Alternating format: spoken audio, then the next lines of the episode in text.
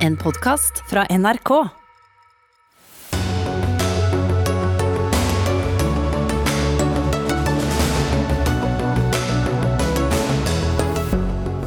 Rekordhøy bruk av oljepenger i revidert nasjonalbudsjett. Men opposisjonen er langt fra fornøyd med regjeringens pengebruk. Den er feil. Ungdomspartiene fortviler over den høye pengebruken, frykter for fremtidens generasjoner. Trenger sametingspresidenten å kunne samisk? Nei, mener sju av ti samepolitikere. Men Sametingets aller første president, han kaller det både trist og alvorlig. Og forbudet mot nedbygging av myr, som, eh, har, eh, som kom i stand for om lag et år siden, kan stå for fall. Flere partier varsler om kamp. Ja, da ønsker vi vel møtt på selveste RNB-dagen. Ikke Rhythm and Blues, selvsagt, men revidert nasjonalbudsjett. Jeg heter um, Espen Aas, og dette er jo dagen der regjeringen forteller uh, at de nå har justert nasjonalbudsjettet for å møte utfordringene som Norge står i, men der opposisjonen gjerne sier at det ikke er bra nok. Altså revidert nasjonalbudsjett. Og det er jo stadig slik at regjeringen ikke har flertall i Stortinget, og det er derfor Stortinget som bestemmer hvordan det hele skal se ut etter noen runder der, uansett hva regjeringen og finansministeren måtte mene. Vi har en liten kø av uenige politikere som venter utenfor døren her. Pga.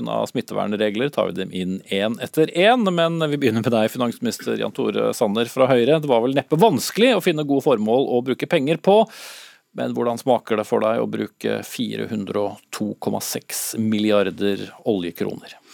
Det er veldig mye penger. Eh, Det er ingen tvil om eh, det. Samtidig så mener jeg at det har vært både riktig og nødvendig å bruke mye penger i den krisen vi står eh, i.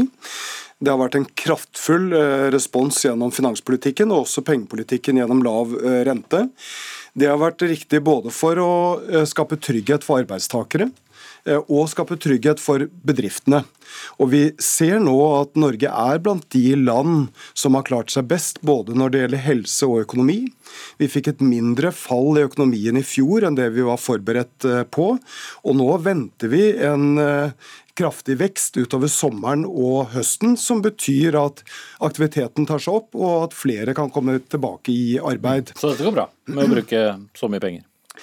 Under én forutsetning, og det er at vi klarer å ta oljepengebruken ned igjen. Hele det politiske Norge settes nå på prøve. Både i måten vi håndterer krisen på nå, for å skape trygghet for de som mister jobben, trygghet for bedriftene, sørge for at vi håndterer ettervirkningene av, av krisen, eh, men også vår evne til å ta ned oljepengebruken etter krisen. Og Det handler om å skape bærekraft også for fremtidige generasjoner. Og det handler om å ha økonomiske muskler til å håndtere neste krise, for den kommer. Men litt av eh, poenget deres er jo at det nå går mot bedre tider. eh, Men eh, nyslått leder i LO, Peggy Hessen Følsvik, dere er ikke fornøyd med at eh, regjeringen nå halverer permitteringslengden fra 52 til 26 uker fra og med 1. juli. Men også det er jo et signal om at regjeringen tror at eh, folk skal ut i arbeid igjen. Samtidig så er det fortsatt sånn at vi står i den største krisa når det gjelder arbeidsledighet i Norge som vi har gjort siden før krigen. Og selv de mest eh, optimistiske prognosene som Sanner presenterte i dag, så ser vi at det fortsatt kommer til å være eh, store utfordringer, høy arbeidsledighet, både ut året i år og også i neste år. Da syns vi det blir helt uforståelig å stramme inn permitteringsregelverket når vi står i en sånn situasjon. Og konsekvensen av den halveringen blir først og fremst for hvem? Det er jo utrygghet, både for bedriftene, men selvfølgelig også for eh, ansatte. Vi har jo sammen med NHO kjempa på plass dette permitteringsregelverket og forlenging av det, nettopp fordi bedriftene og ansatte skal ha forutsigbarhet eh, i denne vanskelige situasjonen. Eh, Og den forutsigbarheten svekkes nå med den innstramminga som regjeringa gjør. Ja, Hvorfor halveres den eh, allerede fra 1.7?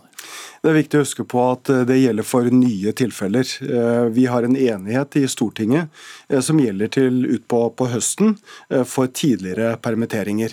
Så nullstiller vi for nye tilfeller fra 1.7. Det betyr at har du vært permittert i vinter og i vår, så vil ikke det telle med i en ny periode. Men de som blir permittert fra 1.7, da legger vi til grunn 26 uker, som også er, er normalen. Og når vi ser på utviklingen i både norsk økonomi eh, og i arbeidsmarkedet, de forventningene vi har utover høsten og også inn i neste år, så forventer vi at til neste år vil vi være tilbake på, på lave nivå når det gjelder arbeidsledighet. Eh, jeg mener det er mye viktigere nå at vi målretter tiltak mot langtidsledige, mot ungdom, mot de som har svak tilknytning til arbeidslivet, eh, mot eh, personer med innvandrerbakgrunn. At vi satser på kompetansetiltak, og der vet jeg at LO og regjeringen er på, er på linje. Og ikke minst at vi nå har fått på plass en utvidet lønnsstøtteordning, som gjør at bedriftene også får inntil 25 000 kroner for hver permitterte de tar tilbake. Men, men, men hvis vi tar utgangspunkt i at bedriftene vil ha tilbake folk med en gang det begynner å gå bedre, og at de som har vært permittert også vil begynne å jobbe igjen så fort de har eh, muligheten. Hva risikerer vi da med å fortsatt ha en ordning med 52 uker? Ja, dette, er, dette er ganske godt eh, dokumentert at en for lang permitteringsperiode gjør veien tilbake til jobb lenger. Det vil velge å ikke jobbe, selv om det er mulighet? Nei, dette har ikke noe, har ikke noe med, med, at man ikke ønsker å jobbe, eh, men at det kan være vanskeligere å komme tilbake i jobb hvis du har vært permittert eh, i 40-50 uker. Men vi skal ha gode permitteringsordninger, og vi holder fast ved det vedtaket som ligger i Stortinget. Men for nye tilfeller så mener vi at det er riktig å gå tilbake til 26 uker. Men, men dette har Sanner og høyreregjeringa hevda helt siden vi starta med disse permitteringsperiodene. Eh, at, at bare du, eh, bare du ikke har gode nok permitteringsordninger, så kommer folk seg ut i jobb.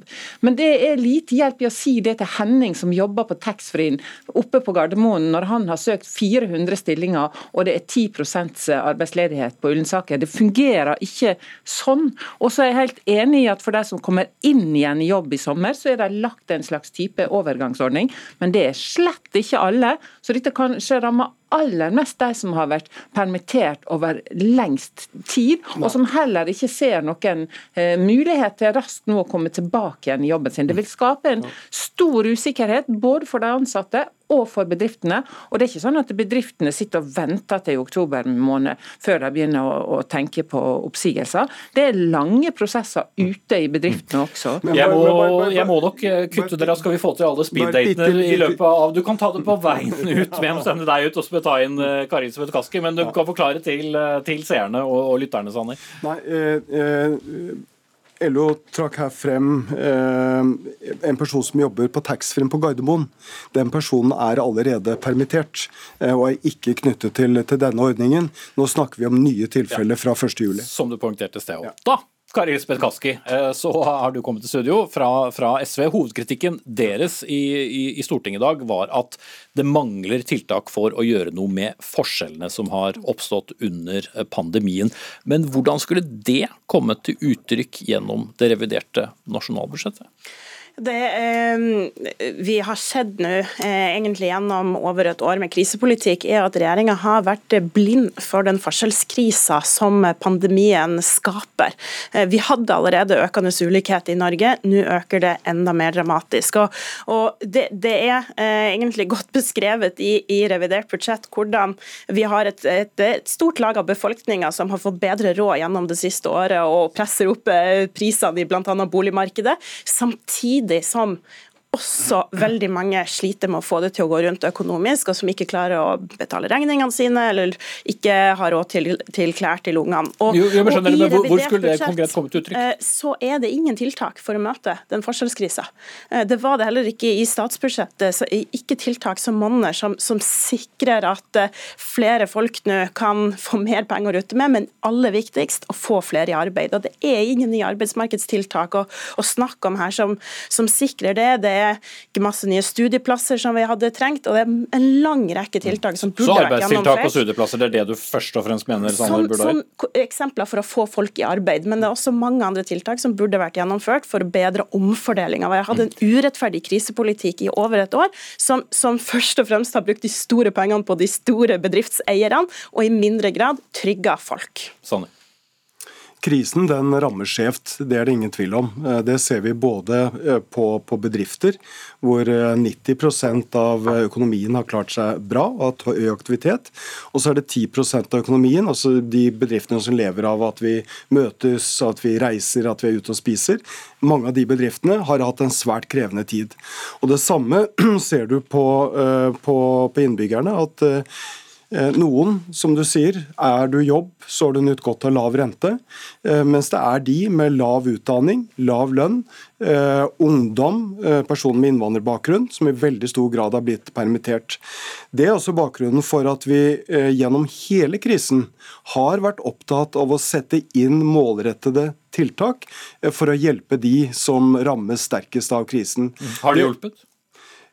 Hvis du ser på, eh, på Norge sammenlignet med andre land, så er vi blant de land som har kommet best ut både når det gjelder helse og, økonomi. Jo, men de økonomi. gruppene som vi snakker om, som har øh, vært de som har lidd mest, øh, For- som ikke har vært ansatt i offentlig mange, sektor. For mange, mange har det det, men det er fortsatt behov for målrettede tiltak. Og jeg tror nok at vi må forberede oss på at ettervirkningene av krisen, eh, det vil kreve tiltak over tid. Mm. Det handler om sårbare grupper, det handler om de som sliter med psykisk helse, det handler om ungdom som har gått glipp av mye undervisningstid. og Derfor så har vi målrettede tiltak nå også i revidert nasjonalbudsjett, og er innstilt på å ha det fremover. Kaski. Derfor vi også trenger langsiktige tiltak som kommer til å virke over tid. og Bl.a. på psykisk helse så er det eh, bra at regjeringa kommer etter nå og, og følger opp med mer penger, men, men det er på en måte kortsiktige og veldig sånne midlertidige tiltak fremfor eh, langsiktige planer for, for eh, de, de, de egentlig, det, det hele fundamentet i, i helsetjenestene våre. Og Det samme gjelder det også på, på arbeidsmarkedstiltak eller å få folk i arbeid. Vi trenger en, en langt kraftigere politikk for å få folk i arbeid, der man kan bruke bl.a. det offentliges muskler til å kunne sysselsette flere. For det aller farligste nå det er at hvis folk blir stående lenge utenfor arbeidslivet, det er 200 000 mennesker som er utenfor jobb nå, eh, og de blir gående lenge utenfor arbeidslivet, enda lengre over tid, så, så er det dramatisk både for dem personlig og for norsk økonomi. Og det å få Det de i jobb og om, men- bruke men ville Jo, men den medisinen da tiltak du virker eh, faktisk legger på bordet. Og her er det ikke noen virkemidler for det.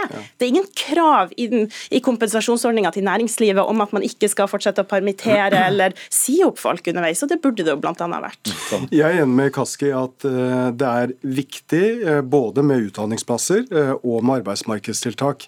Men det blir fullstendig feil når du sier at det ikke er noe i budsjettet eller revidert som bidrar til at folk kommer tilbake i jobb.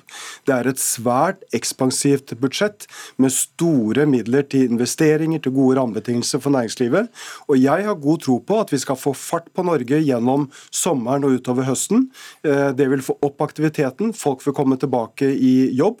Og ifølge våre prognoser så vil vi, vil vi være tilbake på lave nivå i ledigheten i løpet av 2022. Mens du har i dag sagt at ryddejobben starter til, til høsten, eh, Kaski. Og så vet jeg du ville sagt eh, mer, men skal vi rekke innom alle gjestene våre, så må jeg også vise deg døren. Og så skal vi gå til eh, hva skal jeg si, motsatt kant av det politiske spekteret på Stortinget. For som jeg nevnte innledningsvis, så er det jo stortingsflertallet som eh, til sjuende og sist avgjør hvordan eh, pengene skal brukes. Partiet som får snakke med regjeringen først, er Fremskrittspartiet og Hans Andreas Limi, stortingsrepresentant og medlem av finanskomiteen. Komiteen, Noe av det første du kommenterte på Stortinget i dag, det var nå må vi sikre oss mot økt grensehandel. Hvorfor er det et så viktig krav? Jo, det er viktig eh, av hensyn til mm, norske arbeidsplasser og, eh, og eh, vår eh, varehandel. Det vi ser nå mens grensen har vært stengt, det er at det har vært en voldsom økning i omsetningen for de som ligger i grenseutsatte områder.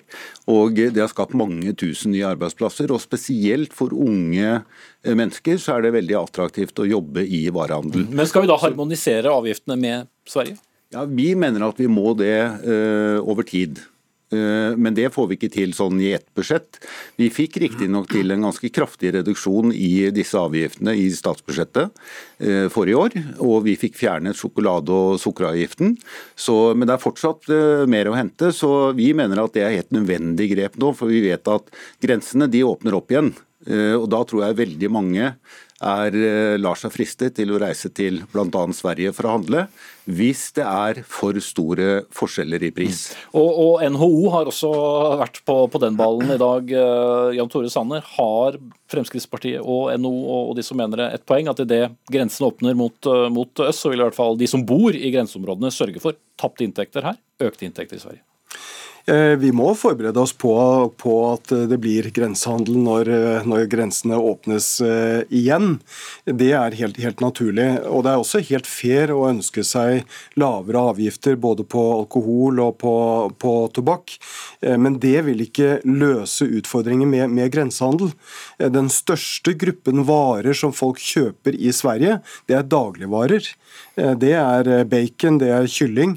En viktig grunn til at det er høyere høyere priser i Norge på dagligvarer, det er at vi har et høyere kostnadsnivå, og at vi har et sterkt grensevern som handler om landbruksinteressene. Men samtidig er jo tobakk og, alkohol gjerne en grunn til at man velger å ta turen, for der er, er forskjellene størst. Vil, er du ikke enig i at øh, lavere avgifter ville begrenset øh, lekkasjen? Det kan, det kan bety noe. Eh, men det blir helt feil å si at eh, setter du ned avgiften på alkohol og tobakk, så fjerner du grensehandel. Det tror jeg ikke du gjør. Mm. Fordi at det folk kjøper er veldig mye dagligvarer. Eh, og så er det en gang slik at Grunnen til at vi har høyere avgifter på alkohol og tobakk, har også med helse å gjøre. Og det har med statens inntekter å gjøre. Men vi fant løsninger i budsjettet for inneværende år.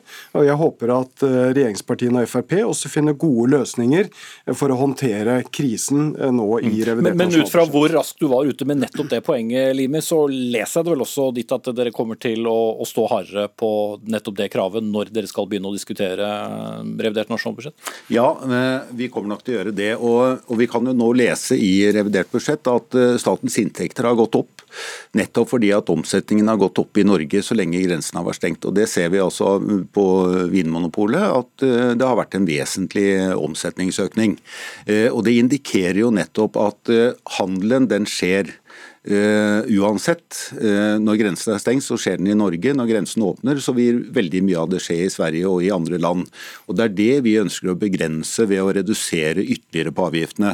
Og så tror jeg, som uh, Sanner sier, at vi klarer ikke å stoppe all grensehandel. Men vi vet at det er noen typiske lokkevarer som trigger veldig mye av den handelen, og som gjør at folk reiser til Sverige bl.a.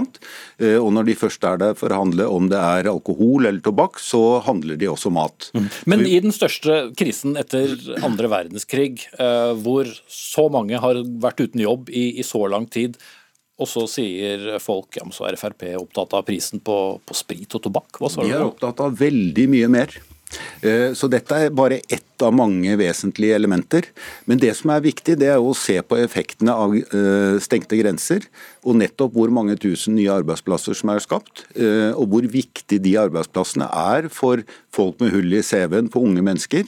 Og vi vil at vi skal beholde de arbeidsplassene i Norge og den omsetningen i Norge. Og da mener vi at vi må ta i bruk virkemidler for å begrense grensehandelen. Og avgiftene, reduserte avgifter, er et vesentlig virkemiddel i, i den sammenheng. Mm. Du skal også snart bytte plass med, med neste politiker. Men, men, Sander, akkurat det poenget snakket også noe om da jeg var i kontakt med de, de tidligere i dag. Alle de nye arbeidsplassene. Betyr det at regjeringen også er forberedt på at vi i, i varehandelen må nedskalere igjen og, og sende folk uh, enten ut i ledighet eller til, til andre jobber, fordi uh, vi normaliserer handelen over grensen? Det, det, er for tidlig å, å, si hvordan utviklingen blir i varehandelen. Deler av varehandelen har jo nå gjort det veldig veldig godt under, under krisen. Eh, og Det jeg er helt enig med eh, Hans Andreas i, er at varehandelen også har, har gjennom alle tider gjort en historisk viktig jobb for å ta inn personer med hull i CV-en. Personer med innvandrerbakgrunn som har sin første jobb i varehandel. Det hadde jeg også som, som 13-åring. Eh, og, og, det er en god plass å, å, å lære. Men, Men nå kan det bli bråstopp, da? Hva? Men nå kan det bli bråstopp? Nei, det blir ikke bråstopp. Vi kommer til å handle dagligvarer som, som aldri før, også etter, etter krisen.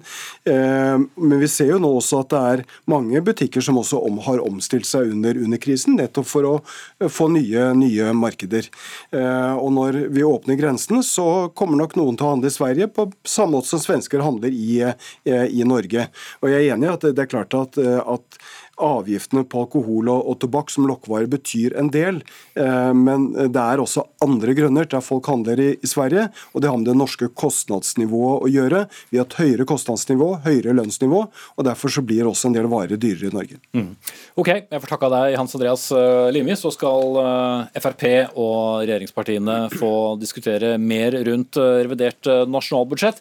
Det har også vært en del ungdomspolitikere som har kommentert revidert nasjonalbudsjett nasjonalbudsjett eh, i dag. Og de var overraskende enig med hverandre om én eh, ting, eller hva Sondre Hansmark, leder av eh, Unge Venstre. Og mens mange av voksenpartiene, for å bruke et fjolleord, gjerne kanskje skulle sett mer bruk av penger, så ville dere sett mindre.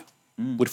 Nei, Vi har jo en felles interesse da, av at det er noen penger igjen til vår generasjon. Og jeg tror jo at hvis, vi, hvis, dagens politikere fortsetter på den måten som de gjør nå, med å ta ut stadig større deler av oljeformuen vår og pese det inn i statsbudsjettet, så kan vi ende opp med å bli generasjon null pensjon. Hvor det er vi, når vi skal inn på Stortinget og overta makten, som må gjøre de drastiske kuttene. Så jeg mener jo at uh, i dag så bruker man over evne. Politikerne har vært på en slags hjemme alene-fest hvor det er ingen som har hatt kontroll med, med kredittkortet. Eh, og det man gjør det er å stjele fra fremtidige generasjoner og sørge for at den velferdsstaten som vi har i dag, ikke er bærekraftig på sikt. Mm. For at det er et større hull i, eh, i, i pengebingen nå, Jan Tore Sanner, det er det ikke tvil om? Det brukes veldig mye penger eh, nå, eh, både i fjor og, i år. Eh, så hører det også med i bildet at vår regjering samlet sett har brukt 300 milliarder kroner mindre i løpet av åtte år enn det handlingsregelen strengt tatt gir rom for. Så vil jeg lyst til å si at, at den enigheten som i dag er vist fra ungdomspolitikerne, er en av de viktigste stemmene i dagens debatt. Ja, for de må rydde opp? Eh, fordi eh, oljerikdommen er ikke en gave til én generasjon det er en gave og en verdi som vi må forvalte til glede både for dagens og for kommende generasjoner. Eh, så eh, hele det politiske Norge settes nå på, på prøve. Nettopp vår evne til å ta oljepengebruken ned igjen når vi tar ned smitteverntiltakene, når aktiviteten tar seg, tar seg opp. Så, så, jeg hilser den debatten som ungdomspolitikerne trekker opp, mm, velkommen, og den er viktig. Men har de rett? Det de har rett i, det er at vi må ta oljepengebruken ned. Eh, men hvis jeg ikke hadde brukt så mye penger nå, så hadde jeg overlatt også en, et samfunn til, eh, til, dagens uh, ungdomspolitikere med høyere arbeidsledighet, større utenforskap, en større krise. Mm. Så Derfor så har det vært helt nødvendig og, og riktig, men vi må ta oljepengebruken ned igjen for å skape bærekraft. Men hvor vil du kneppe inn nå, da, Hans Mark? Hvem, hvem skulle fått mindre i revidert? Nei, altså Jeg støtter også en del av de krisetiltakene som kommer her. Satsingen på kollektivtransport eller psykisk helsehjelp det er åpenbart veldig viktig. Men mitt store problem er at politikerne heller ikke klarer å prioritere i gode tider, når vi skal spare opp til å bruke i dårlige tider. Og Hvis vi får bruke et eksempel som kom rett før egentlig koronakrisen slo ut for fullt, det var jo det at eh, de forrige ti årene så har handlingsrommet i statsbudsjettet vært på 21 milliarder kroner. De neste ti årene så er handlingsrommet på 4 milliarder. De fire milliardene de er allerede bundet opp i at folk blir eldre i kommunene, i helseforetakene. Og på toppen av det så har Stortinget lovet å øke avgiftene på forsvar, utdanning, bistand osv. veibygging hvert år med 14 milliarder kroner. Så man har et regnestykke som går i minus på 14 milliarder kroner hvert år, og dette er uten koronaen tatt i betraktning.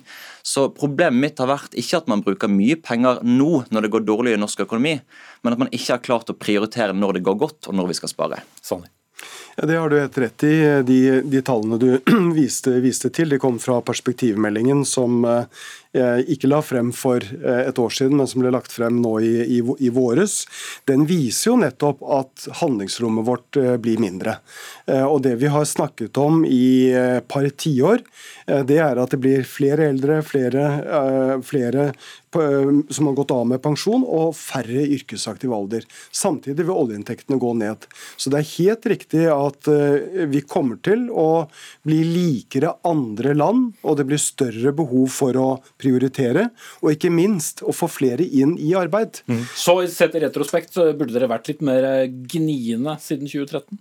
Ja, som jeg var inne på, så har vi jo da brukt om lag 300 milliarder kroner mindre enn det oljerikdommen, eh, eller som eh, handlingsregelen gir rom for. Eh, og så har vi brukt da en del av handlingsrommet nettopp til investeringer som skal skape fremtidig vekst. Og Det handler om satsingen på kunnskap, på forskning, eh, på infrastruktur, og også nå CCS, eh, karbonfangst og lagring, som jo også er et viktig tiltak for at vi skal få klimautslippene ned. For bærekraft handler både om økonomi og arbeid, men også om miljø. Mm. Men nå må det ryddes for allerede fra neste budsjett, Hans Mark? Ja, det burde jo det. Og hvert eneste år eh, man øker oljepengebruken, så blir eh, avvenningen eh, vanskeligere. Altså Vi kommer til å gå inn i en ekstremt tøff situasjon nå etter koronakrisen er ferdig, hvor vi må ta ned pengebruken i offentlige budsjetter. Men jeg tror ikke før jeg får se det. For det er ingen regjering som noensinne har klart å gjøre nettopp det. Man har fortsatt med den høye oljepengebruken man har sett etter enhver krise, om det er oljeprisfall eller finanskrise eller flyktningkrise eller hva du vil, så har man alltid fortsatt å øke pengebruken. Så jeg tror rett og slett ikke på det jeg hører akkurat nå. Jeg har nødt til gode å se en regjering som har klart å stramme inn etter en krise, men det er helt nødvendig dersom vi skal berge velferdsstatens bærekraft. Mm. Det kommer vi i hvert fall til å fortsette å diskutere. Og tro det eller ei, Jan Tore Sanne, nå kan du også få gå, sammen med Sondre Hansmark, leder av Unge Venstre. Og bare for å ta det poenget, i løpet av de 25 minuttene som vi har snakket, så har uh, oljefondet endret seg med opptil flere milliarder, det også.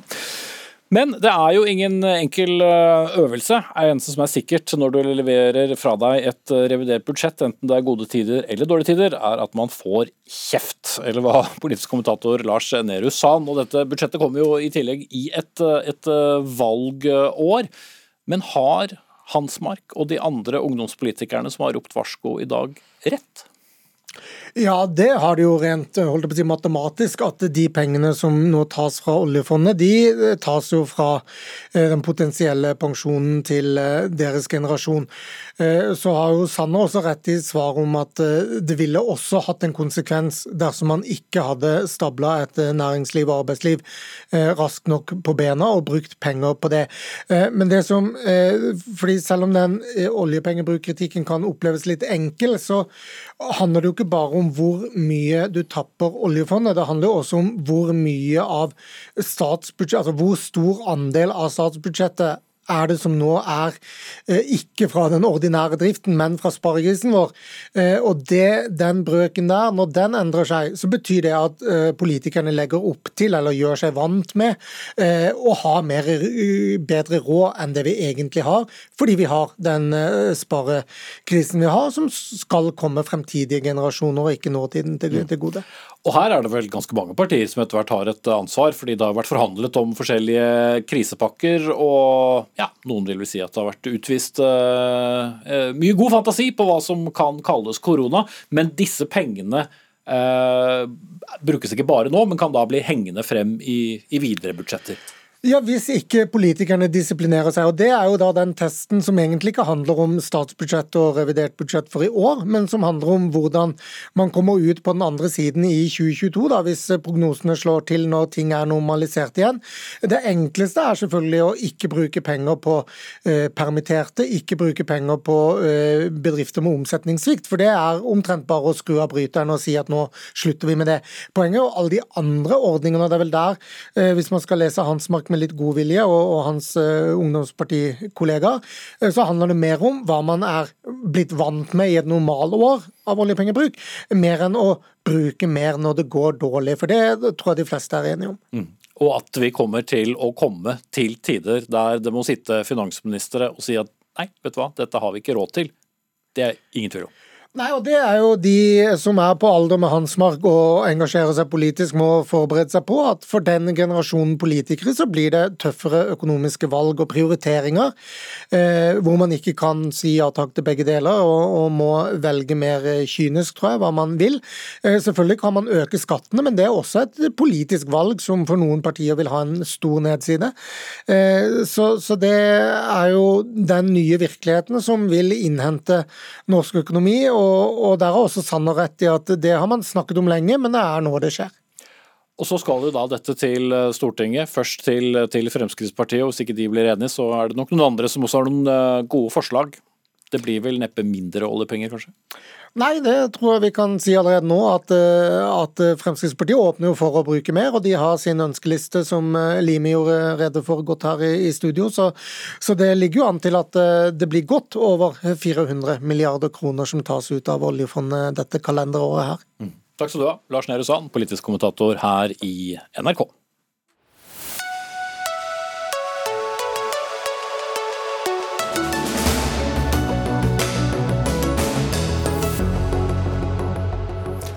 Da skal jeg bare eh, minne om å si at situasjonen i Jerusalem og på Gazastripen er stadig spent etter rakettangrep og gjengjeldelser, og vi skal oppdatere oss på situasjonen der litt senere i Dagsnytt 18. Men nå skal det handle om eh, hjemlige forhold.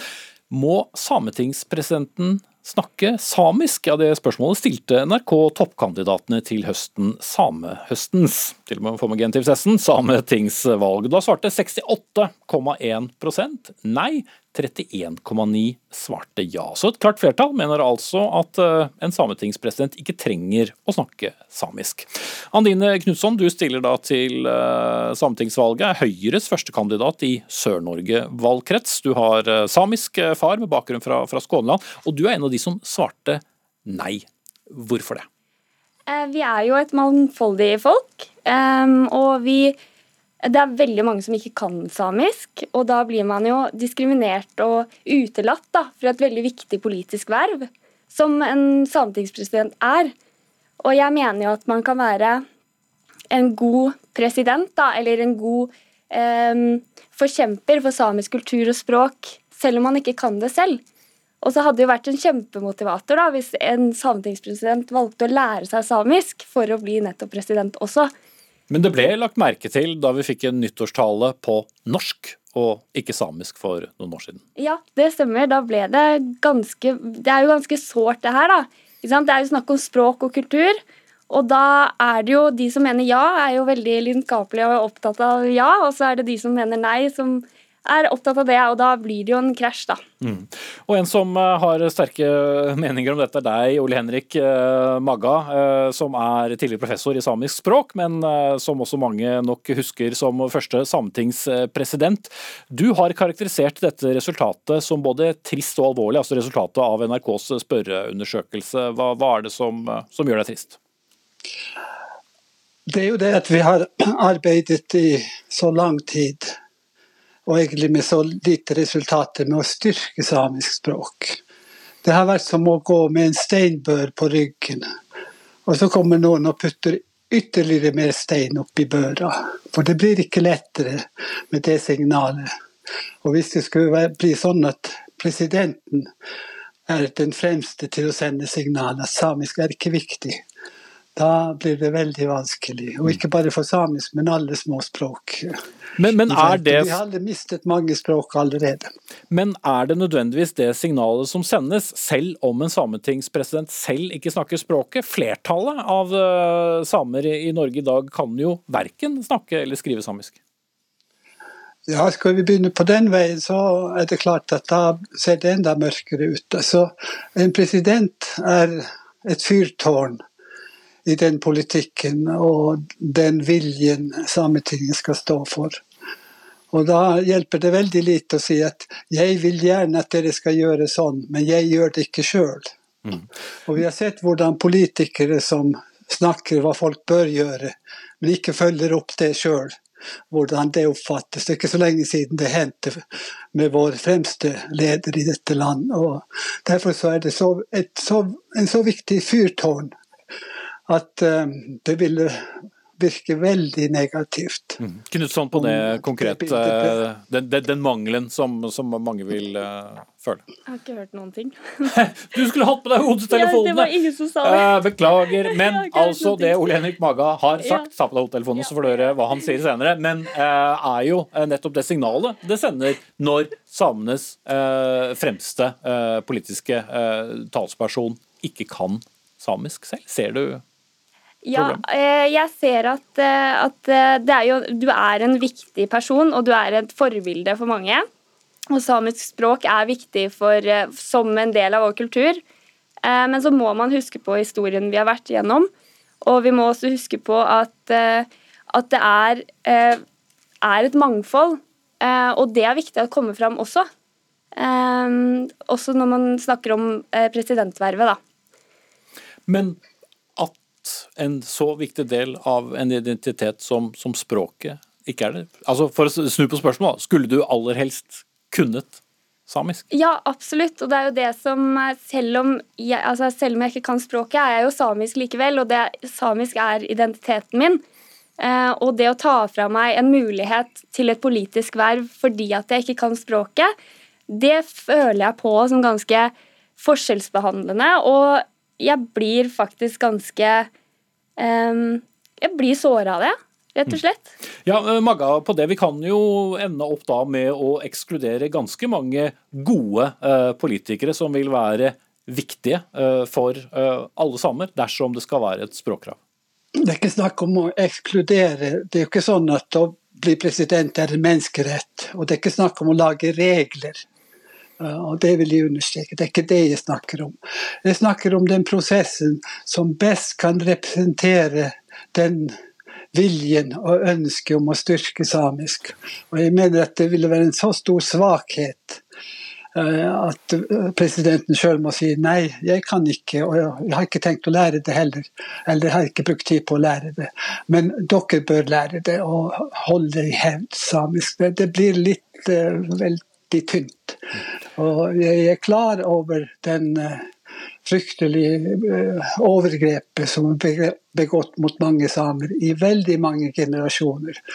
Men det blir ikke bedre ved at vi bruker det argumentet om igjen okay. til å hemme det lille arbeidet vi har fått til. Til slutt, eh, Andine Knutson. Hvordan vil du i så fall jobbe for å bevare det samiske språket, som, som jo altså et mindretall bruker? Det er viktig å, jobbe, å, snakke om hvordan man skal, skal sikre språkutvikling, eh, også for samisk eh, språk. og da er, jo opp, er, jo jeg opptatt av eh, lærere, legge til rette for at det er mulighet for alle som ønsker, både barn og voksne, å lære seg samisk. Og så hører jeg her at det blir sagt at det er ikke en menneskerett å stille til president. Jo, jeg mener faktisk det. Jeg mener at jeg har en menneskerett på lik linje som andre samer å stille til et politisk verv som eh, sametingspresident er. Mm. Eh, og det å ekskludere meg på bakgrunn av språkkompetanse er jeg mener det er menneskerett. Ja, når jeg deltar på demokratiet på lik linje som alle andre. Mm. Samme, så ja. er det valg til høsten. Ja. Jeg får eh, stanse dere der. Takk skal du ha, Andine Knutson, eh, som er også kandidat til eh, Sametinget for Høyre. Førstekandidat for Sør-Norges valgkrets, og takk til Ole Henrik Magga, tidligere sametingspresident. Og hvis du skulle lure på det, så er det i overkant av 100 000 som utgjør samiske folk. 15 15% av de kan et samisk skriftspråk, 30% med samisk bakgrunn kan snakke et samisk språk, ifølge dette internettkilden Wikipedia.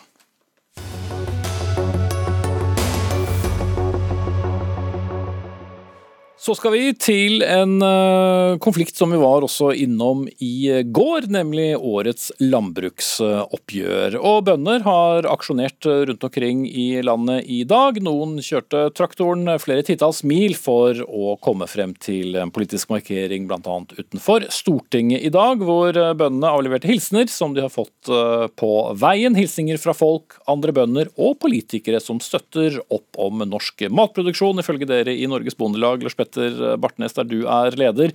Du var utenfor eh, Stortinget. Var det god respons? Det var sterkt. Det var en tydelig respons. Og alle de ti bøndene som har satt seg på traktor og kjørt til Oslo, representerer ti fylker. Det er kun Finnmark og Troms som ikke er representert. Eh, de sier veldig tydelig, eh, altså har et tydelig budskap. Dette handler om inntekt. Det handler om å få til på plass investeringer i norsk landbruk som sårt trengs. Og det handler om å dreie landbrukspolitikken i en retning som er tilpassa eh, norske forhold i større grad enn vi kjenner i dag. Og så er det sånn at Alle de ti bøndene er veldig tydelige på at de har tatt en tur for norske bønder. Det handler om ikke sin egen person, men det handler om alle bønder i Norge løfter saken og tydeliggjør saken. Mm.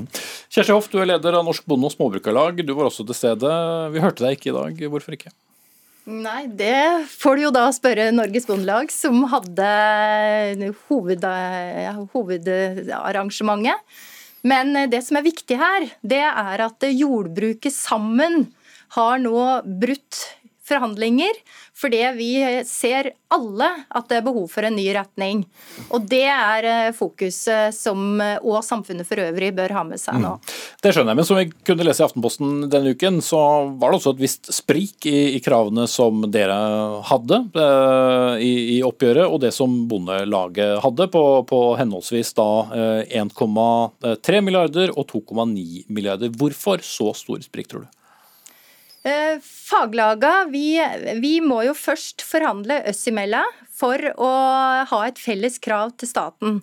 Det er naturlig da at det er noe sprik, og vi har eh, harde forhandlinger for å komme dit.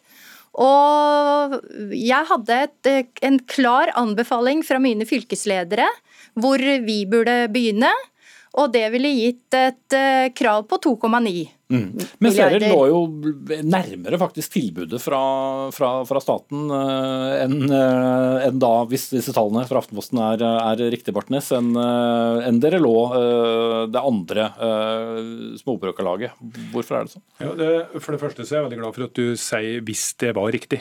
For hos meg så har vi hatt en eh, normal, grundig og god behandling fram til eh, eh, representantskapsmøtet, der at vi fastsetter resolusjon. Oppdraget til forhandlingsutvalget i Norges Bondelag er tekster, og det er en sterk prioritet på inntekt. Og I det bildet så har jo vi et helt annet uh, krav når vi møter Småbrukarlaget, enn det som er aktivt spekulert i i media. Så hva er det riktige tall? Det er sånn at vi, når vi var ferdig forhandla, faglagene imellom, så var vi i området der vi har, uh, har satt opp vårt krav. Som var hvor mye? Og det, Hvis vi måler det i tette gap, så var Norsk Bonde- og Småbrukarlag ute offentlig med å tette med 50 000. Vi har en eh, posisjon på 30 000 i å tette inntektsavstand mot andre grupper. Mm, og Så foregår det forhandlinger, som Kjersti peker på. og I de forhandlingene så drar uh, Småbrukarlaget sin strategi, vi vår strategi. og Jeg tror man skal ha respekt for forhandlinger også uh, innenfor jordbrukets organisasjoner. Mm. Så noe totaltall på deg i milliardklassen får jeg ikke? Jo, vi er i området 2,1. 2,1. Ja. Men eh, Kjersti Hoff, vi har jo da også kunnet lese at flere av fylkesledere hos deg har vært kritiske til nettopp eh, bondelagsledelsen. Altså, hva, hva, hva er det som er konflikten dere imellom? Eh, mine fylkesledere og mine medlemmer, de, de har Eller vi har en organisasjon med mye energi, mye, mye ønsker. Og når de blir ringt opp av Aftenposten og spurt, så er det litt de antagelsene som de har, eller fått hørt, som er grunnlaget for det de sier. Og så svarer jo jeg til i eh, Aftenposten på den offisielle, det som Norsk Bonde- og Småbrukerlag står for. Og det er at vi vi har vært i harde forhandlinger. Vi har endt opp på et felles krav som eh, vi òg så at vi ikke ble svart på av staten i det hele tatt. Jo, men Sier du nå at eh, fylkeslederne dine har uttalt seg på sviktende grunnlag? De sier sjøl i den artikkelen at det er rykter de har hørt. Og det kan ikke jeg svare for. Så egentlig er dere veldig enige? Eh, men det er faktisk sånn at eh, man kan lage en eh, interessant diskusjon faglagene imellom. Det er spenninger i jordbruket, det er stort trøkk der ute. Og at medlemmer i Norsk Bonde- og Småbrukarlag og medlemmer i Norges Bondelag har aktiv diskusjon, Det ser jeg jo på som en fordel. Engasjementet bak eh, lederen i Småbrukarlaget og engasjementet bak min rolle er viktig for oss, og det styrker oss når vi møter staten. Og Den store utfordringa er å få gjennomslag for punkt 1, inntektsløft, punkt 2, betydelige investeringer, punkt 3, dreie landbrukspolitikken i riktig retning. Det er dette det handler om i år, og i åra som kommer. Mm. Men samtidig så representerer dere jo to, to, forskjellige organisasjoner, og da åpenbart med, med litt forskjellige eh, tanker om, om innretningen, fordi at man driver eh, landbruk på, på, forskjellige måter. Og Det er vel også et poeng nå som Stortinget til sjuende og sist er den som skal stemme over hva, eh, hva dere skal få uh, tilbake. Og for oss da, Vi har laga en sånn veldig fin tegning nå med vi trenger en ny retning, en ny kurs, for at vi skal fortsatt ha et landbruk i hele landet. Og Det er jo vi nå veldig glad for at begge faglagene er eh, enige om. Vi må ha en ny retning i eh, jordbrukspolitikken for å sikre at vi bruker jorda vår der hun ligger, og vi har gardsbruk som kan forholde seg til eget jordsgrunnlag, i stedet for at du vokser deg så stor at du må, må kjøpe innsatsfaktorer fra utsida. Mm. Og Det er et kjempeviktig poeng. Mm. Jeg eh, vet ikke om jeg ble bare klokere av dette, men det blir mer landbrukspolitikk i debatten på NRK1 senere i kveld. Takk til Kjersti Hoff, leder av Norsk bonde- og småbrukarlag, og Lars Petter Bartnes, leder i Norges Bondelag.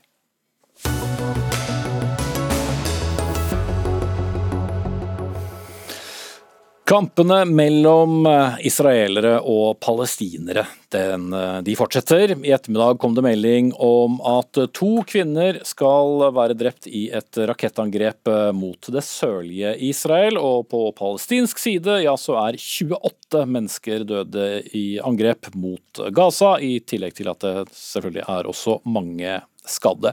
Uroen startet eh, som kjent da israelske bosettere forsøkte å overta hjemmene til palestinere i Øst-Jerusalem. Men nå eskalerer altså Sissel Wold, eh, korrespondent eh, i, i, Istanbul, og som har dekket denne konflikten gjennom mange år. Hva, hva vet vi om de siste angrepene? Ja, det har jo vært voldsomme angrep fra Hamas, og noen er kanskje koordinert med islamsk jihad. Eh, denne litt eh, mindre, men eh, mer militante gruppen. Det er jo ingen som kan huske at Hamas' raketter har nådd så kraftig og så langt. Og denne byen Ashkelon den ligger jo 20 minutters kjøring fra Gaza. Og det er jo uhyggelig i gatene i en by som dette når sirenene går i ett sett og disse enorme eh, angrepene kommer. Men vi må huske at det er mye mye verre å være i Gaza. Dette er et inneklemt, klaustrofobisk område hvor det ikke er noen bombeskjelter, slik som det er i alle israelske byer. Og der 28 eh, mennesker er drept, som du sa. Ti av dem skal være barn. Og det er eh, også en uutholdelig situasjon for sivilbefolkningen utviklingen der. Og Etter denne opptrappingen som da har pågått det siste døgnet, Sissel så har også forsvarsminister Benny Gantz i Israel beordret mobilisering av 5000 reservister som skal da stå klare til å styrke Israels eh, forsvar sør i landet. Hva forteller det om situasjonen nå?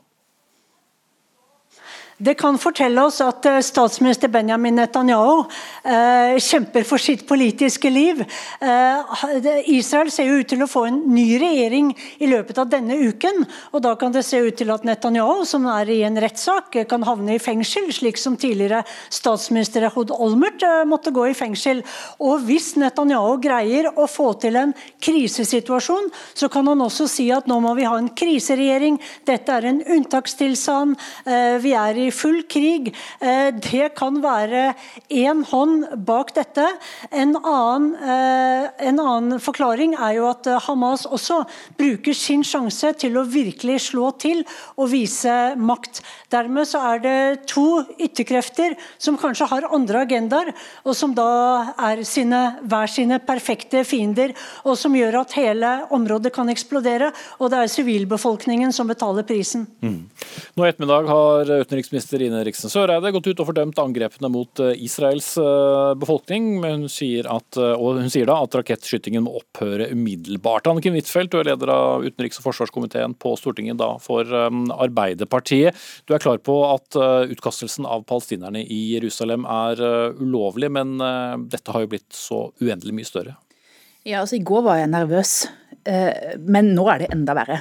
For Hvis dette fortsetter med en opptrapping over i id, og vi har altså lederskap på begge sider, som Sissel Wold er inne på, både på israelsk side, men det er også et svakt lederskap på palestinsk side. Med en eh, president der som har utsatt valgene, så er det på en måte andre krefter som nå bidrar til å øke konfliktnivået.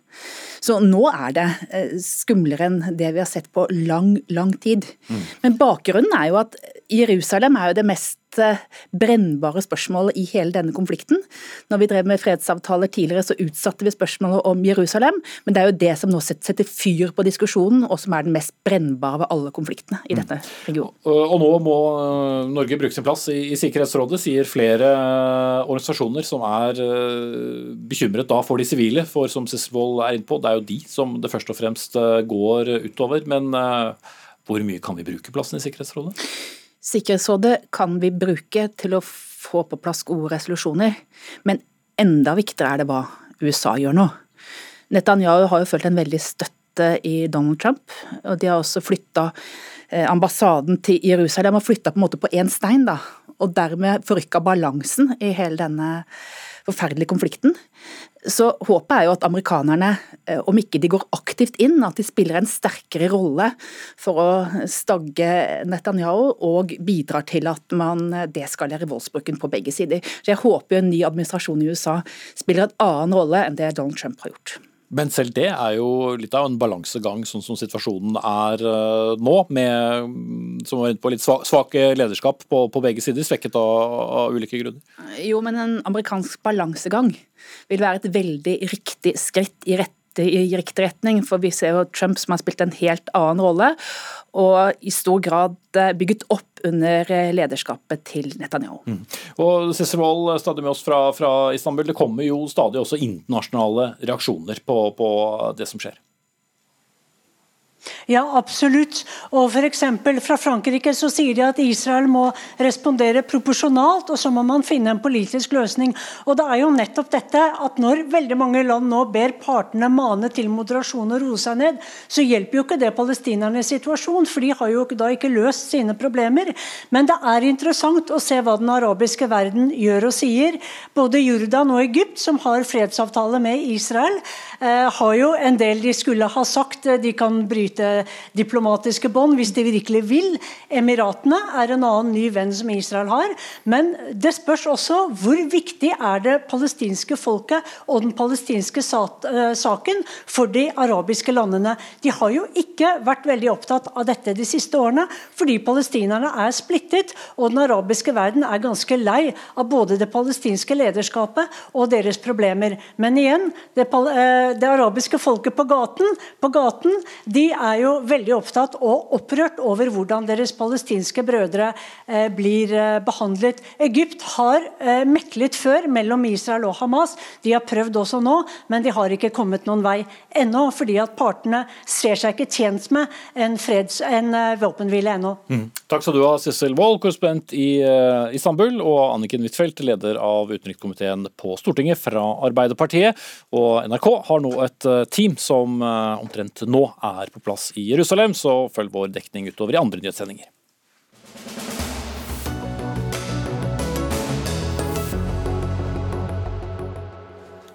Under ett år etter at det ble forbudt, vil flere partier på Stortinget nå gjøre om på forbudet om utnytting av myrområder i Norge. Regjeringen bestemte at eh, man ikke lenger kunne gjøre om myr til f.eks. åker i juni i fjor, med noen få unntak. Og Grunnen var at nydyrking av myr er eh, en potensiell klimabombe eh, ut fra utslippene som det forårsaker. Nå vil Senterpartiet oppheve forbudet og får eh, delvis støtte fra Arbeiderpartiet. Kristian Steele, leder i miljøorganisasjonen Sabima. Dere har brukt ord som sjokkerte, skuffet og sinte. Hva er det som skjer nå? Ja, vi synes jo dette er ganske useriøst når Stortinget nå nettopp har vedtatt et forbud. Eh, dette har knapt fått begynt å virke.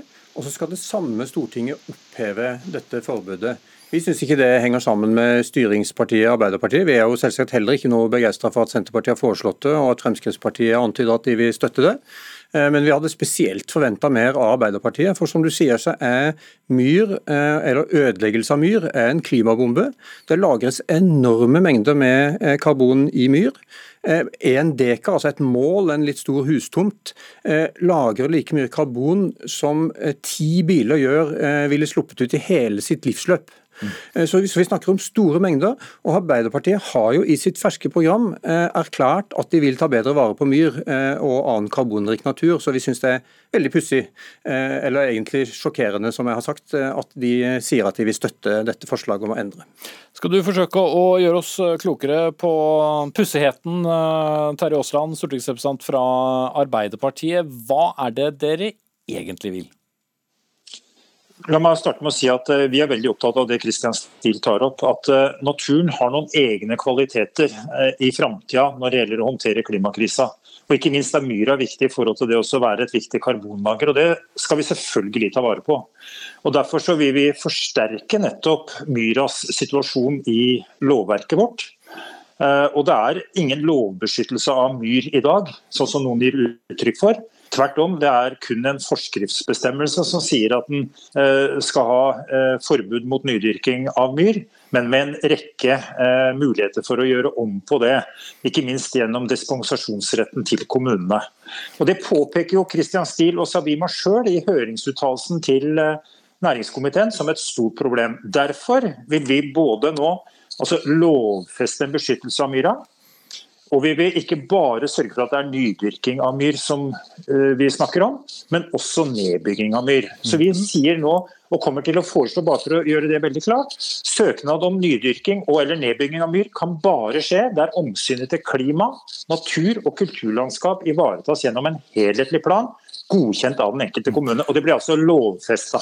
Ok, men hva er det da du er sjokkert og skuffet over, Stil, hvis eh, Aasland har rett i det han sier? Nei, Nå vet jeg ikke hva vi skal gjøre med debatten her, Espen Aas. For det høres ut som Arbeiderpartiet nå mener noe annet enn det de sa i Vårt Land. og Det er i så fall veldig gledelig, eh, og i tråd med det Arbeiderpartiet har sagt i programmet sitt, at vi må ta bedre vare på myr. Og Jeg er selvfølgelig helt enig i at ikke vi ikke bare kan forby nydyrking. Vi må også forby nedbygging av myr. Eh, vi må stoppe uttak av torv til hagejord. Eh, og vi må bli mye flinkere til å restaurere myr og, og bevilge mer penger til å ta bedre vare på og reparere gamle myrer som er ødelagt. Så Hvis dette er Arbeiderpartiets eh, syn nå, så er det veldig gledelig og veldig klokt og en veldig fornuftig forvaltning av denne naturen. Men Aasland, hvem skal ha siste ord når det gjelder utbygging av myr? Er ikke det kommunene? Nei, Når vi legger det inn i jordlova sånn som vi har tenkt å gjøre det, med at den eh, må eh, skal vi si, altså Hvor vi er veldig tydelige på at eh, dette må skje etter en helhetlig plan, der hensynet til klima, natur og kulturlandskap ivaretas. Så skal den godkjennes av kommunen, ja. Men det er jo mhm. sånn at staten sitter med en innsigelsesrett hvis en kommune ikke håndterer dette ansvaret på en ordentlig måte. Nettopp i tråd med det vi sier, klima, natur og kulturlandskap. Jo, men i praksis ja, så, så, vil det vel være da opp til kommunen å, å bestemme, og da kan vel næringsinteresser gå foran? Men sånn som det er i praksis i dag, så er det kommunene som bestemmer. Fordi kommunene har i den forskriften en åpning for, og en fri adgang egentlig, til å omdisponere eh, myr til nydyrking. Mm. Og det, jo, det, har jo Christian Stiel og Sabima og andre organisasjoner tatt opp som en problemstilling i, i tilknytning til høringa som har vært i tilknytning til næringskomiteens behandling av denne saken. Men for å få klarhet i, i en presisering til, da, Aasland. Dere vil ikke ha et totalforbud, men det som da kalles en restriktiv praksis. Det er riktig? Vi vil ha en mer restriktiv praksis enn det som har vært tilfellet på det året vi nå har opplevd og har bak oss. fordi at Der er det fritt fram for å omdisponere eh, og gjøre omdisponeringer. Ja, Og oppheve totalforbudet. Ja, men vi, vi, ja. vi, må jo ansvarliggjøre men programleder, vi må ansvarliggjøre kommunene. Og det å ansvarlige kommunene i forhold til at den skal ivareta både natur, klima og uh, kulturlandskap okay, i forhold til helhetlige planer, er ganske vesentlig. Det, det, jo litt uklart da, men, men, jeg kan ikke forstå det annerledes enn at eh, Arbeiderpartiet nå ikke kan støtte det forslaget fra Senterpartiet om å oppheve forbud. For Det ville jo være en veldig ulogisk eh, konklusjon hvis man ønsker å forsterke bevaring av myr. og det er Jeg veldig glad for at Arbeiderpartiet sier at de vil. Mm. og Da er jo forventningen helt klar. De, de, må avvise det forslaget fra Senterpartiet. Og så må vi gå videre med nye tiltak i Stortinget. Ja. Med plan- og bygningsloven, med restaurering osv. Aasland, støtter dere eller støtter dere ikke Senterpartiet? Nei, Vi støtter ikke Senterpartiets forslag, fordi vi har et bedre forslag som vi kommer til å fremme som går på å stadfeste gjennom lov en beskyttelse av myra, i tråd med det jeg nå har sagt uh, flere ganger. Så Det blir en veldig god innramming av en mer juridisk beskyttelse av forhold til det som er oppgaven vår. Mm. Så, så, da Kristian Stiv, går du uh, glad og fornøyd eh, ut av, av dette studio, eller Nei, altså, så sant. Nå, nå, skal vi jo telle opp stemmene da, når, når, dette blir avgjort. Men jeg forventer jo at det, selvfølgelig Arbeiderpartiet gjør det som Aasland nå sier. Han er en mann som står ved sitt ord. Eh, så, så, vi regner med at da blir Senterpartiets forslag nedstemt, og vi får full fart på det arbeidet som Stortinget har sagt, nemlig med å også forby nedbygging. Eh, vi må få restaurert, vi må få slutt på torv i hagejord. Eh, og så må Vi jo, altså når, når vi, altså vi forstår at noen bønder kan ønske seg å dyrke mer for å, å, å, utvide virksomheten sin, men da må vi heller sørge for at vi også gir de som nettopp gikk ut av studio her, bøndene, bedre rammevilkår, sånn at de kan ta vare på den, mm. natur, den dyrka marka de faktisk har. Jeg er sikker på at uh, Senterpartiet gjerne ville sagt noe i sakens anledning. De hadde vi ikke plass til i dag, men takk til Terje Aasland fra Arbeiderpartiet og Christian Steele fra Sabima. Anne Katrine Førli var uh, ansvarlig for denne sendingen. Elisabeth Sellereite tok seg av det tekniske. Jeg heter uh, Espen Aas. Mye, myre, mer rekker vi ikke.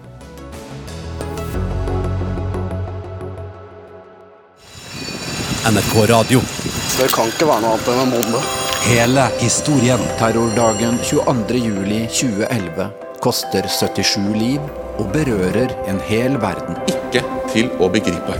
Oppdatert. Hva med en podkast som plukker ut de viktigste nyhetene for deg, og som snakker om dem på en sånn måte at du ikke klarer å la være å høre på? Fantastisk. En snarvei til skikkelig peiling. Lørdagsrådet. Hører på Lørdagsrådet hver morgen og ble så glad da jeg hørte Live lese opp problemet mitt.